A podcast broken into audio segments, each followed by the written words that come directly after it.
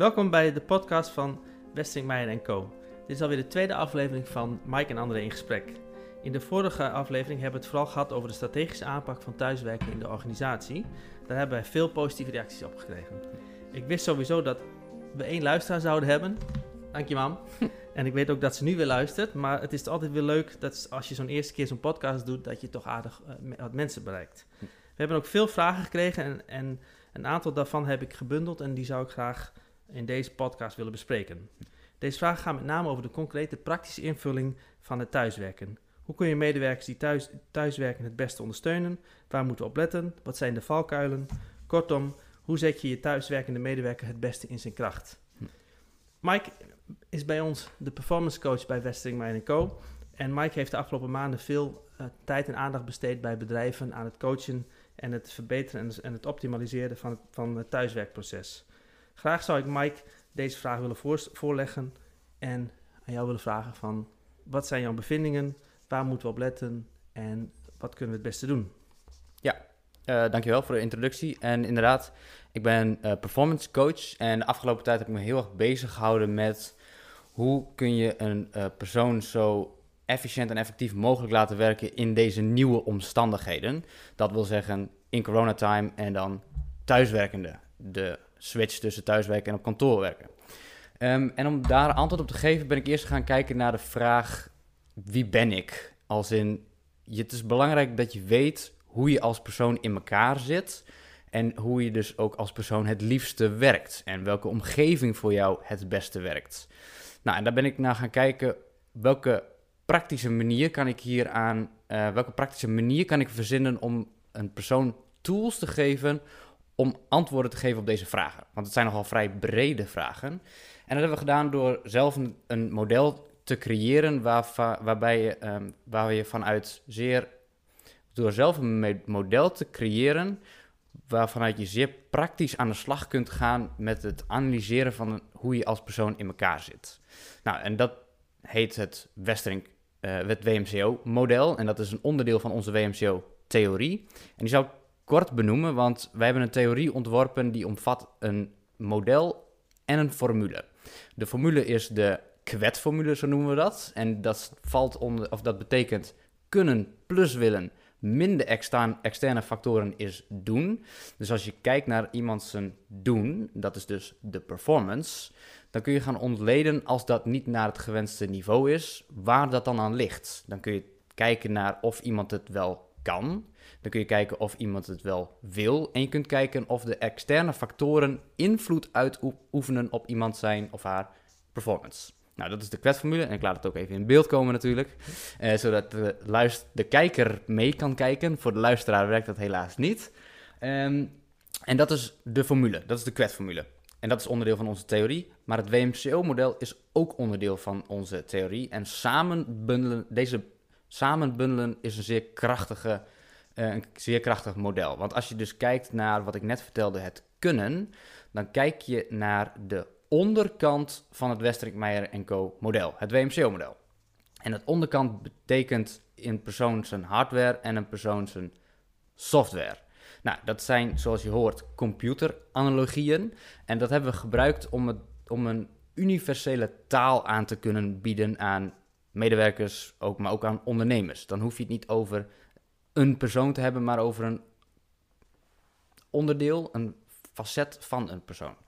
Als we kijken naar iemand zijn hardware, dan bedoelen we daarmee dat we kijken naar iemand zijn IQ of iemand zijn vitaliteit. En vitaliteit verstaan we onder de fysieke gesteldheid en de mentale gesteldheid. En dat hebben we hardware genoemd, omdat hardware is een vrij vaststaand gegeven en is ook moeilijk um, te vervangen. Tegenwoordig wordt het steeds makkelijker, maar hardware vervangen van een computer, om het zo maar te zeggen, is moeilijk en gaat vaak traag. Nou, als je kijkt naar de mentale of de fysieke kwetsbaarheid, of uh, fysieke gesteldheid van een persoon, uh, stel dat je wil afvallen, dat is een vrij moeizaam proces. Het lukt wel, maar het kost heel veel tijd. Nou, en daarom hebben we het hardware genoemd, net als IQ. IQ is een vrij vaststaand gegeven. Dan kun je heel kritisch zijn, zeg je, dat is niet zo, Mike, want ik kan wel een strategie verzinnen waardoor mijn IQ aanzienlijk daalt, maar dat is niet wenselijk. Daar staat niemand op te wachten. Nou, als we dan kijken naar iemand zijn software, dan hebben we het over de soft skills. Dus hoe ga je om met je eigen emoties? Hoe ga je om met de emoties van iemand anders? Kort gezegd, de sociale vaardigheden. En dan kunnen we ook nog eens kijken naar de kennis en vaardigheden die iemand heeft. En dat noemen we software, want dat is immers makkelijk te upgraden. Soft skills kun je aanleren, sociale vaardigheden kun je ook aanleren. En, dat is... en in dat perspectief, hoe zie je kennis en vaardigheden? Nou, kennis en vaardigheden bekijken we vanuit het doel wat je hebt gesteld, of de functie en de taken en de verantwoordelijkheden die je hebt. Stel dat we kijken naar de functie die je hebt. Je bent een. Ik, het, programmeer, het programmeurvoorbeeld um, vind ik vrij makkelijk om te gebruiken, dus die zet ik weer in. Het is ook een computermodel, dus gooi dan gelijk maar de programmeur erin. Als je kijkt naar een programmeur zijn die het werk heel erg goed doet, en na verloop van tijd wordt diegene een teamleider dan moet die persoon ineens mensen gaan managen. En dan kom je ineens in een heel ander speelveld, want deze persoon is eigenlijk altijd bezig geweest met programmeren met een computer en dan ineens heb je een nieuwe functie. Dus dan kunnen we gaan kijken vanuit die functie, heb jij genoeg kennis en vaardigheden om mensen te kunnen aansturen? Heb jij daar ook genoeg sociale vaardigheden voor ontwikkeld? Of zit daar nog enige winst in te behalen? Kan ik het ook zo stellen dat je voor kennis en vaardigheden naar een cursus gaat en, social, en die social skills zul je toch meer begeleiding moeten hebben van iemand anders? Ja, vaak is het inderdaad wenselijker om niet alleen de sociale vaardigheden uit de theorie te halen, maar ook zeker praktisch. Een, een communicatiespecialist zou daar bijvoorbeeld heel nuttig bij kunnen zijn om jou mee te nemen in hoe werkt dat nou precies, het communiceren met mensen en waar moet je op letten? En even terug naar, het, uh, naar de vraag. En even kijken, want je hebt nu de onderkant van het model hmm. besproken, het, het kunnen. Kan iemand het? Maar, en als we kijken naar de bovenkant, ja. dan hebben we het over wil iemand het? En daar gaan we nu wat dieper op inzoomen, want dat, als we kijken naar de bovenkant van het model, dan hebben we het over iemands drive, dus kort gezegd iemands motivatie en iemands besturingssysteem. En daar zoomen we iets verder op in vandaag, omdat ik denk en ik heb gezien dat wanneer mensen niet de juiste kennis over zichzelf hebben wat betreft de motivatie, dan wel het besturingssysteem, dan weet je dus niet zeker of je wel de juiste dingen doet en voornamelijk en, en in het bijzonder als je thuis werkt. Licht ik iets verder toe, want stel je bent een ehm, persoonlijkheid, en dat is een onderdeel van het besturingssysteem. Dat bestaat om, uit persoonlijkheid en de talenten, oftewel iemands werkwijze. Als je een persoonlijkheid hebt en een karaktertrek van jouw persoonlijkheid is extraversie en jij scoort vrij hoog op het domein extraversie, dan zegt dat iets over jouw sociale interactie met andere mensen. Wanneer je laag scoort op die dimensie, dan ga je richting het introvert zijnde en dan heb je minder behoefte aan de sociale interactie. Nou, je hebt er vorige week zelf ook al heel even kort over benoemd. Het verschil tussen introvert en extroverte mensen. En dat het waarschijnlijk uitdagender is als jij thuis moet werken en jij scoort hoog op het dimensie extraversie. Want dat betekent dat jij een systeem moet creëren waarbij jij structureel, structureel uh, contact hebt met jouw leidinggevende of met jouw uh, mede-collega's om het gevoel te krijgen dat je niet alleen bent. Kan je nog, nog even, even teruggaan uh, op, op het kunnen en willen? Mhm. Want even voor de, omdat je heel duidelijk aangeeft, we gaan het vooral over het willen hebben. Mm Um, een visie van mij, ik ben benieuwd wat jij ervan vindt. Uh, of je iets wel of niet kan, heeft in mijn beleving niks te maken met wel of niet thuiswerken. Je kunt iets of je kunt iets niet. Mhm. Misschien kun je iets niet omdat je geen computer hebt, maar dat is een andere vorm van kunnen. Maar als mhm. je op je werk een offerte kunt maken, kun je dat thuis ook. Ja. Maar willen is misschien een andere vraag. Maar ik hoor heel veel mensen, ja, ik kan niet thuiswerken vanwege de kinderen. Mhm. Maar zeggen ze dan niet impliciet, ik wil niet thuiswerken vanwege de kinderen? Ja, dat is een scherpe opmerking, want wanneer je dus, en we gaan er straks wat dieper over in, wanneer je uh, kijkt naar het willen, dus je hebt dan je persoonlijkheid. Stel de persoon die is dus vrij extravert en die heeft veel relationele talenten, om het zo maar te zeggen. Uh, en die mist het contact met collega's dan wel het bedrijf, dan zakt uiteindelijk de motivatie, omdat je dagelijks een gebrek hebt aan het sociale interactie met andere mensen en daardoor heb je het idee van, ja, ik kan niet thuiswerken. Maar de taal die ze eigenlijk uitspreken is, ik wil niet thuiswerken, want het is niet leuk, het demotiveert mij. Ik voel niet de verbinding met andere mensen. Ja. Dus dat klopt. Dat is zeker de waarheid. Wanneer mensen denken, ik kan het niet, is het eigenlijk dat ze het niet willen. En Ja. dat komt door de daling van de motivatie. En als je kijkt naar de huidige technologie, ehm, kun je bij alles wel wat je op je werkplek kunt doen. Eh, ja, er zijn natuurlijk beroepen die niet thuis kunnen werken. Als je, in, eh, als je in, eh, in de bouw werkt, dan kun je natuurlijk niet thuis een huis bouwen. Nee. Maar we gaan even uit van de groep mensen die dus thuis kunnen en willen kunnen werken. Ja. Dus kan je als, al- ook als advies geven dat als een, als een medewerker begint van ja, ik kan niet thuis werken, dat je dan al heel snel gaat naar- de willen? Ehm, ja, en met daarin, stel dat iemand aangeeft van ik kan niet thuiswerken, is de eerste stap eigenlijk achterover leunen en dat geeft een uitnodigende houding. Laten we daarover in gesprek gaan en vragen, dan wel onderzoeken, wat maakt dat jij aangeeft dat je niet thuis kunt werken? Wat betekent dat precies voor jou? Ja. Want dat kan namelijk voor mij iets heel anders betekenen dan dat het voor jou betekent. Dus daar ga je dan mee in gesprek en dan ga je onderzoeken, hoe komt dat? Nou, en als ze daar nou niet een heel helder en concreet antwoord op kan geven, dan zouden persoonlijkheidstesten zoals de Clifton Strengths Finder van Gallup, dus de talententest, of de Big Five Personality Test, ehm, daar een heel geschikt middel voor zijn om eens meer handvaten te geven, meer taal te geven aan waarom iemand iets wel, niet, wel of niet kan of wil. En als je dan, eh, even, eh, eh, je gaat nu naar het, naar het vierde kwadrant van het BMCO-model, de, de operating system. Ja, ja, het besturingssysteem. Kun je daar wat meer over vertellen? Ja, het besturingssysteem. ehm, wij, wij bekijken, en dat is allemaal vanuit een bepaalde bril, bekijken wij een persoon, om het zo maar te zeggen. En dan pakken we het kwadrant het besturingssysteem, oftewel het operating system. En dan kijk- kijken we eigenlijk naar twee facetten. Dat zijn de talenten, dus de werkwijze. En eh, die informatie halen wij uit de, big, of, eh, de eh, Clifton Strengths Finder van Gallup. En we kijken dan naar iemands personality. Het zijn twee verschillende dingen en wij zien dat als het besturingssysteem wat zo functioneer jij als mens zijnde. En dat geeft ook aan het voorkeursgedrag wat je hebt. Ja. En heel gechargeerd gezegd, als jij bijvoorbeeld een talentenprofiel hebt, waarbij je heel veel strategische denktalenten hebt in Ja. jouw top 10, dan is de kans zeer groot dat jij ehm, thuiswerken wel heel prettig vindt. Want iemand die veel strategische denk- denktalenten heeft, die heeft niet zozeer heel veel behoefte aan sociale interactie. Die kan heel gefocust, langdurig op zichzelf aan bepaalde taken werken. Ja. Dus wanneer je weet dat je een persoon in huis hebt in de organisatie die veel strategische denktalenten heeft, dan doe je deze persoon waarschijnlijk wel een plezier met het mogen thuiswerken.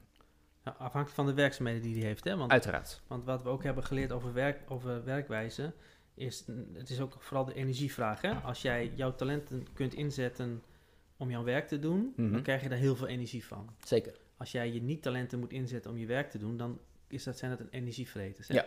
Want in hetzelfde perspectief wat jij zegt, iemand die heel veel denktalenten heeft, maar heel weinig doe-talenten, Mhm. dat zijn de mensen die vaak heel slimme ideeën hebben, maar waarvan niet altijd heel veel uit de handen komen. Mm. Die hebben natuurlijk wel moeilijk thuis. Want die, die, die hebben ook een bepaalde stimulans nodig om toch hè, de spijker op, hè, de, er een klap op te geven. Om ervoor te zorgen dat rapporten afkomen, ideeën, plannen. Ja. Dus je hebt wel, ik denk als je het over werkwijze hebt, is het ook prettig om inzicht te hebben in wat je hebt. Want we, we doen, je hebt heel veel de Clifton Strengths test gedaan, ik ook. En we hebben het inderdaad over de, de top 5 talenten, maar we hebben ook over de low 5 talenten. De talenten, de energie eh, drainers. Kun je daar iets over vertellen? Ja, je, hebt, je, je bekijkt en dan focussen we heel erg op de Clifton Strengths, dus de werkwijze. Dan focussen we heel erg op het DNA-profiel van een persoon, want deze test bestaat uit 34 talenten en dat, dat noemen we het DNA-profiel. En dan kijk je naar de top 10 van deze persoon, de talenten, en dat zijn voornamelijk energiegevers. Dus leren werken vanuit jouw top 10 talenten zal ervoor zorgen dat je energie krijgt. Het voelt goed om die werkzaamheden uit te voeren. En als je dan kijkt naar de onderste laag, de low five om het zo maar te zeggen, dat zijn energievreters.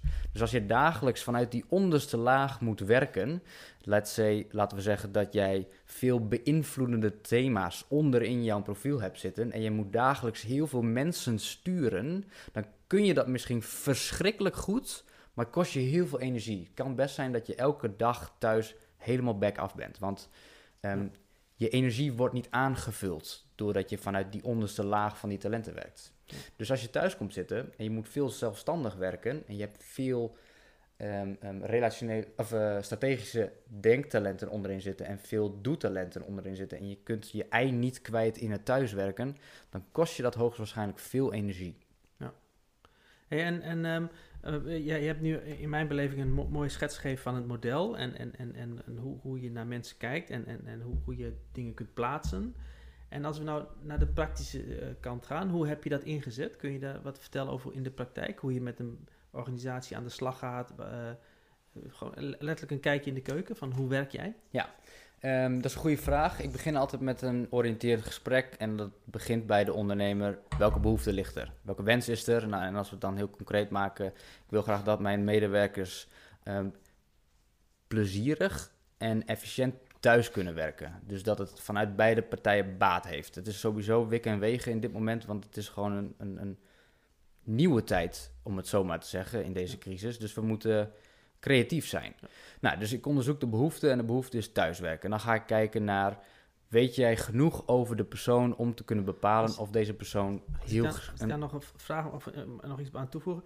Kijk je dan, ga je dan vanuit even corona helemaal loslaten vanuit iemand optimaliseren om hem beter te maken? Of zit je ook sterk op het vlak, hè, daar pak ik toch even corona erbij, van hoe houden we deze persoon mentaal fit? Want we, hebben, we horen natuurlijk verhalen van dat 60% van de werkenden hebben psychische eh, pro- problemen door corona. Mhm, Eh, het burn-out eh, gaat ook weer toe, de stress neemt ook weer toe. mhm. Zeker met mensen met veel jonge kinderen. Ja. En we hebben het vorige keer ook over gehad, die dan compensatiegedrag gaan vertonen. Dus overdag kunnen ze hun werk niet afkrijgen vanwege de drukte met de kinderen. S'avonds gaan ze door. Ja. Kijk je dan met name naar dat aspect of beide? Of zeg je nee, dat ik kijk gewoon echt puur naar het optimaliseren van die medewerker? Ehm, beide, want het model van ons omvat beide. Dus dat neem ik altijd mee in de analyse, in de analyse die ik trek over een persoon. Dus beide. En wat je zegt, doet me een vraag oproepen. Want er is natuurlijk heel veel gesproken nou over burn-outs. En voornamelijk de jongere doelgroep. En dan 18 tot 35, dat die signalen er zijn. Maar ik vraag me af welk percentage van die doelgroep niet zozeer een burn-out eh, verschijnselen heeft, maar bore-out verschijnselen. Ja. Als ik kijk naar iemands profiel, en ik kan mezelf daarin als voorbeeld noemen, ik ben vrij prestatiegericht. Ehm, ehm, en dus ik wil vaak, ik wil graag dingen bereiken op een hoog tempo. En op het moment dat bij mij de coronacrisis, bij iedereen de coronacrisis insloeg en je begint daadwerkelijk thuis te werken, kwam ik mezelf heel erg tegen. En ik kreeg namelijk niet het gevoel dat ik stappen maakte. En dat zorgt ook voor dezelfde symptomen als een burn-out, maar eigenlijk is dat een bore-out. En dat betekent dat ik ondergestimuleerd werd. Dus dat zijn hele belangrijke signalen om een, voor een ondernemer of een manager om te signaleren welke signalen worden hier afgegeven. En als je dus weet hoe een persoon in elkaar zit, dus je weet van hey, die persoon is heel erg prestatiegericht en hij komt met deze verschijnselen, heeft die persoon wel het gevoel alsof hij genoeg presteert. En als je dat dus niet weet, kun je dus verkeerde aannames gaan doen en dan help je deze persoon misschien juist niet en is het contraproductief. Oké. Zit je dan ook niet een beetje in het spectrum van mentaal fit houden in Mhm. deze coronatijd? Dan, dan gaan we eigenlijk naar het kunnen. Dat op een gegeven moment, ja, als mensen burn-outs of bore-outs krijgen, dan op een gegeven moment kunnen ze het ook niet meer. En ik, weet nog, ik heb te weinig ervaring met bore-outs, want dat is een beetje een nieuw fenomeen. Ja. Maar burn-outs hebben een enorme schade. Dus er zijn mensen, er is zelfs onderzoek naar gedaan dat een burn-out tot blijvend eh, eh, geestelijk letsel kan leiden. Ja. Als, het, als het te zwaar is. Ja, eh, burn-out en bore-out zijn best wel... eh, bore-out is wat moeilijker. Er komt- is nog niet zo heel veel, hoor je daarover. Je hoort meer over burn-outs. En dat, een recovery kan zomaar twee tot drie jaar duren. Dus het echt heel erg heftig kan het zijn. En ik heb zelf ervaring met een burn-out. Werd toen de tijd geconstateerd. Maar achteraf kijkende is het waarschijnlijk een bore-out geweest. Omdat ik mezelf heel erg onderstimuleerde in mijn werkzaamheden. Ik was iemand die ehm, negen jaar in de autotechniek heeft gewerkt. En eigenlijk veel meer met het brein, het denken en het, eh, ehm, had willen werken. En dat dus niet heb, heeft eh, Ja. dus niet gedaan. Dus kwam ik in een bore-out terecht. Ja, wat ook uiteindelijk ook een energielek wordt. Hè? Als je de dingen die je niet leuk vindt moet doen Ja. en saai vindt. Ja, en als we eens terugpakken naar het praktische gedeelte, hè, want Ja. je hebt deze medewerkers die wil je eigenlijk gaan kijken van, hey, hoe kan ik nou het beste inrichten zodat jij optimaal thuis kunt werken en alsnog plezier behaalt aan jouw eh, aan de werkzaamheden. Dan ga je dus kijken naar wat is deze persoons motivatie en wat is het besturingssysteem van deze persoon. Want dat is graag, dat is eigenlijk hetgene wat je in kaart wil brengen. Want dat zegt iets over hoe de, de persoon het liefste en het beste functioneert. En als je naar motivatie kijkt, dan neem ik aan dat je ook wel een zijstap maakt naar eh, de drive van Daniel Pink. Ja, je Drive van Daniel Pink neem ik daarmee. En, en ehm, de determin- determinant, determinatietheorie van Daisy en Ryan. Eh, dat is een arbeidspsychologie theorie. En ik, we kijken daar, van als we kijken naar iemand zijn drive, dus motivatie, hebben Ja. we twee onderscheidingen die we kunnen maken. We kijken naar iemands basisbehoeften en naar iemands zijn motivatie. En dat wil zeggen de intrinsieke motivatie en de extrinsieke motivatie. Nou, als je een medewerker, en ik pak het voorbeeld van de programmeur erbij, als die zijn taken, dus het programmeren, heel erg leuk of interessant vindt, dan is deze persoon hoogstwaarschijnlijk hoog intrinsiek gemotiveerd. Dus dan heeft deze persoon niet een extreem hoge extrinsieke motivatie. Die komt dan vaker op de tweede plaats. Als je dat weet van deze persoon, dan heeft deze persoon minder moeite met aan het werk gaan, want de taken die hij heeft en de verantwoordelijkheden vindt hij gewoon heel erg leuk. Dus je hoeft hem niet heel erg te stimuleren, want de motivatie is immers al best wel hoog. Ja. Dus dat wordt makkelijker om deze persoon op afstand aan te sturen. Nou, je kunt ook kijken naar de basisbehoeften en dan hebben we drie onderdelen. Iemand zijn autonomie, iemand het gevoel van autonomie, eh, het gevoel van verbondenheid en het gevoel van competentie. Nou, als we kijken naar iemands autonomie, en dat is een hele belangrijke, want als je dus in samenspraak, zoals je aanga, aangaf vorige keer, in samenspraak met de medewerker een plan gaat opstellen, als je dat samen doet, dan pak je de autonomie, het gevoel van autonomie hebben van de, onder, van de medewerker. Want je geeft namelijk een bepaalde mate van vrijheid om samen iets te bouwen. Dus deze gevoel, deze, deze gevoel, deze persoon voelt de vrijheid om zijn taken of zijn functies zelf vorm te mogen geven. En dat is heel erg belangrijk, want dat verhoogt namelijk de motivatie. Maar autonomie heeft ook een ander component, hè, het sturen. Eh, ik heb altijd geleerd, hè, ook vanuit de Daniel Pink Drive theorie, dat autonomie is een, een deel dat je vrij wil gelaten worden, maar Mhm. mensen vinden het ook prettig om aangestuurd te worden. Zeker. Kijk, het is ook namelijk een vorm van autonomie als je iets iemand laat creëren binnen bepaalde kaders. Want dat is namelijk best wel fijn. Mensen denken van geen regels en geen kaders, dat is fantastisch. Maar dat is niet zo. Dat werkt namelijk niet voor iedereen. Soms is het heel waardevol om hele duidelijke kaders te hebben, zodat je weet hoe groot is het speelveld waarin ik mag spelen. En als je dan als ondernemer in dat speelveld vrijheid Ja. geeft, dan ben je heel goed bezig. Maar eh, bijna iedereen heeft wel kaders nodig. Hè? Ja. Heel veel mensen vinden het prettig dat, precies als ik het vrijdag dat af heb, dan heb ik het dus goed gedaan. Hm. Dus je, oké, autonomie. Ja, en dan hebben we dus de andere twee factoren.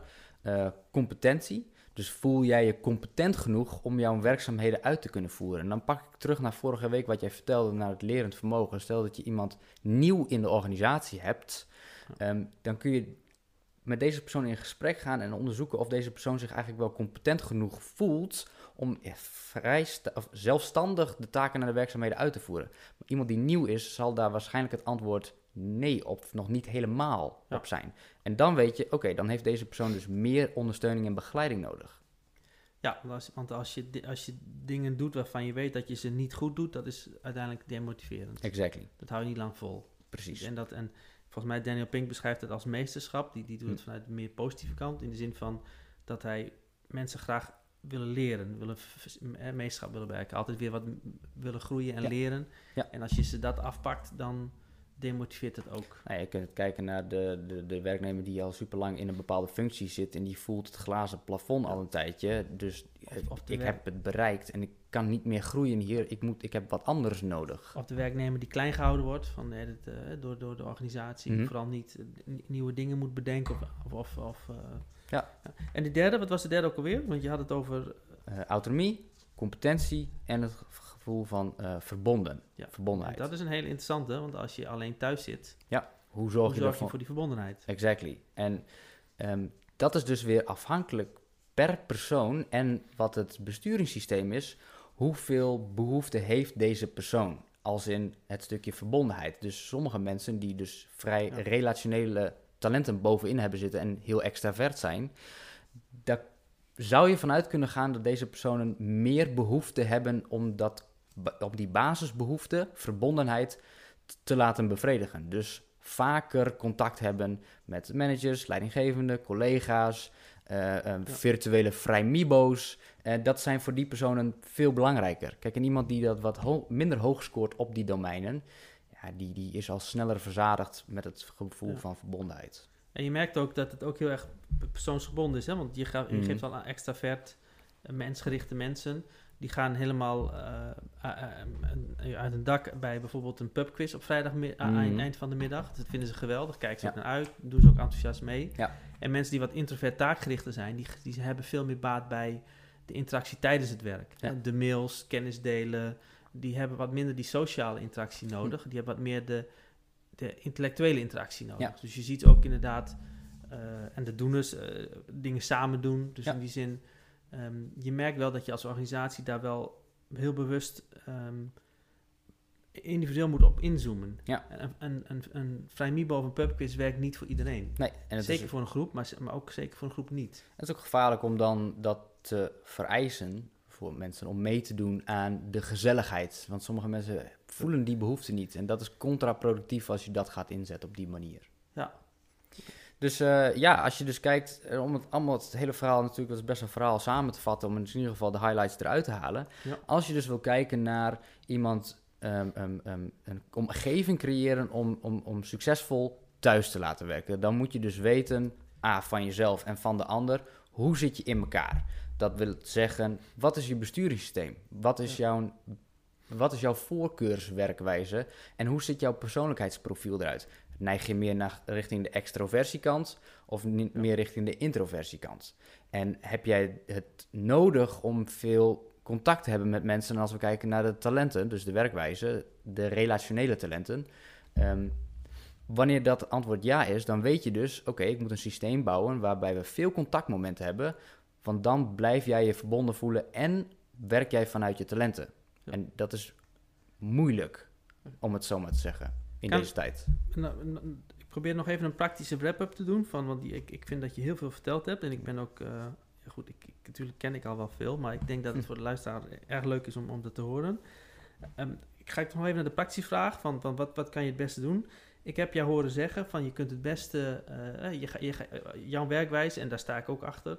Eerst in gesprek gaan met de organisatie van hey, wa- waar liggen de behoeftes, waar zijn de pijnpunten, waar liggen de gevaren, wat is, eh, wat is de vraag? Ja. En in, niet- in pre-coronatijd zou dat heel gaan over het optimaliseren, verbeteren. Mhm. In coronatijd komt er ook een heel stukje ehm, eh, mentale eh, kwetsbaarheid bij. Van hey, gaat het goed met de mensen? Ja. Eh, je wil de mensen eh, fit door deze situatie krijgen. Vervolgens ga je met de, met de personen in gesprek. Heb ik, Mhm. en je doet testen. Dat doe je neem ik aan om een goed zelfbeeld te creëren. Om, om goede inzichten te creëren voor zowel de medewerker als voor de organisatie. Voor de Mhm. medewerkers. Dan heb ik nog één, one more thing, Hm. nog een vraag van, eh, want dat heb ik je nog niet horen vertellen en volgens mij hoort het er wel bij. Is het ook belangrijk dat medewerkers van elkaar weten hoe hun werkwijzes zijn? Dat jouw collega's ook snappen hoe jij werkt. Ja. Ik denk dat daar het antwoord Ja, ik- heel plat gezegd ja op is. Ja, ja, ik denk dat dat, is het ook mijn bedoeling. super belangrijk is om te weten. Want dan begrijp je elkaar beter. Dan, dan snap Exact. je, denk ik, oh, jij bent, eh, men, men- soms, sommige mensen hebben het al door, maar hey, oh, jij bent mensgericht eh expert. Of vandaar dat jij altijd zo eh, gezellig blijft hangen na werk. Of, en oh, jij bent taakgericht. intro- Dus als mensen elkaars talenten ook begrijpen, dan kunnen ze inderdaad elkaar begrijpen en elkaar inspelen. Oh, ik ga naar die, want ik weet dat die daar gewoon heel goed in is. Ja, en wil daar nog een stap verder in gaan. Want ehm, wanneer je hiermee bezig gaat en wanneer je hier in, eh, met een team mee bezig gaat, dan kom je er dus niet alleen achter van dat is jouw voorkeurswerkwijze en, en, en jij bent veel socialer in dat opzicht en ik heb dat wat minder nodig. Maar je zult je realiseren dat mensen vanuit een bepaald perspectief de wereld benaderen en ook anderen benaderen. Wanneer je een high achiever hebt, dus een, iemand die hoog prestatiegericht is en iemand die heel erg conscientieus is, dan zal diegene kijken naar presteren we wel genoeg? Presteer ik wel genoeg? En die zal continu bezig zijn met jongens, we kunnen meer, we kunnen meer en ik wil meer en ik denk dat jullie ook meer willen. Dus die zal het gesprek ook continu leiden op oké, we doen het wel goed, maar we kunnen beter. Die wekt de indruk dat het eigenlijk nooit goed genoeg is.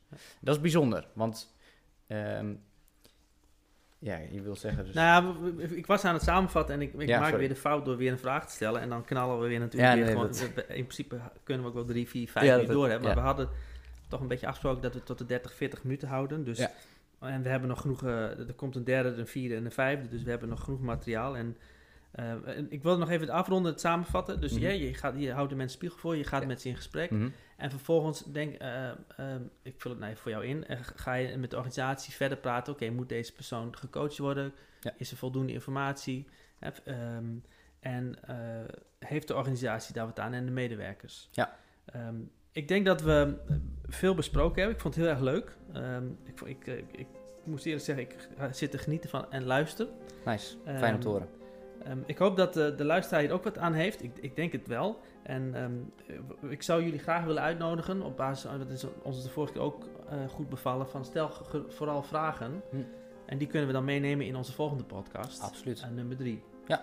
Daarmee wil ik afronden. Mike, ik wil jou super bedanken. Ja, dankjewel. ik Jij heb ook. niet zoveel gezegd, maar ik vond ook mijn plek om ook gewoon even niet zoveel te zeggen. Nee. Om gewoon lekker te luisteren. En eh, see you next time. En Ja. we gaan weer aan het werk. dat zijn, we zijn wel aan het werk. Ja.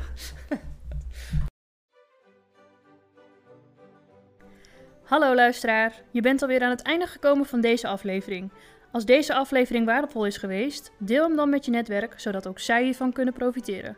We streven ernaar om constant waardevolle content te leveren. Heb je feedback voor ons of wil je dat we specifieke onderwerpen behandelen? Laat het dan vooral weten. Hopelijk heb je een fijne dag en luister de volgende aflevering weer met ons mee. Vriendelijke groet, Westering Meirenko.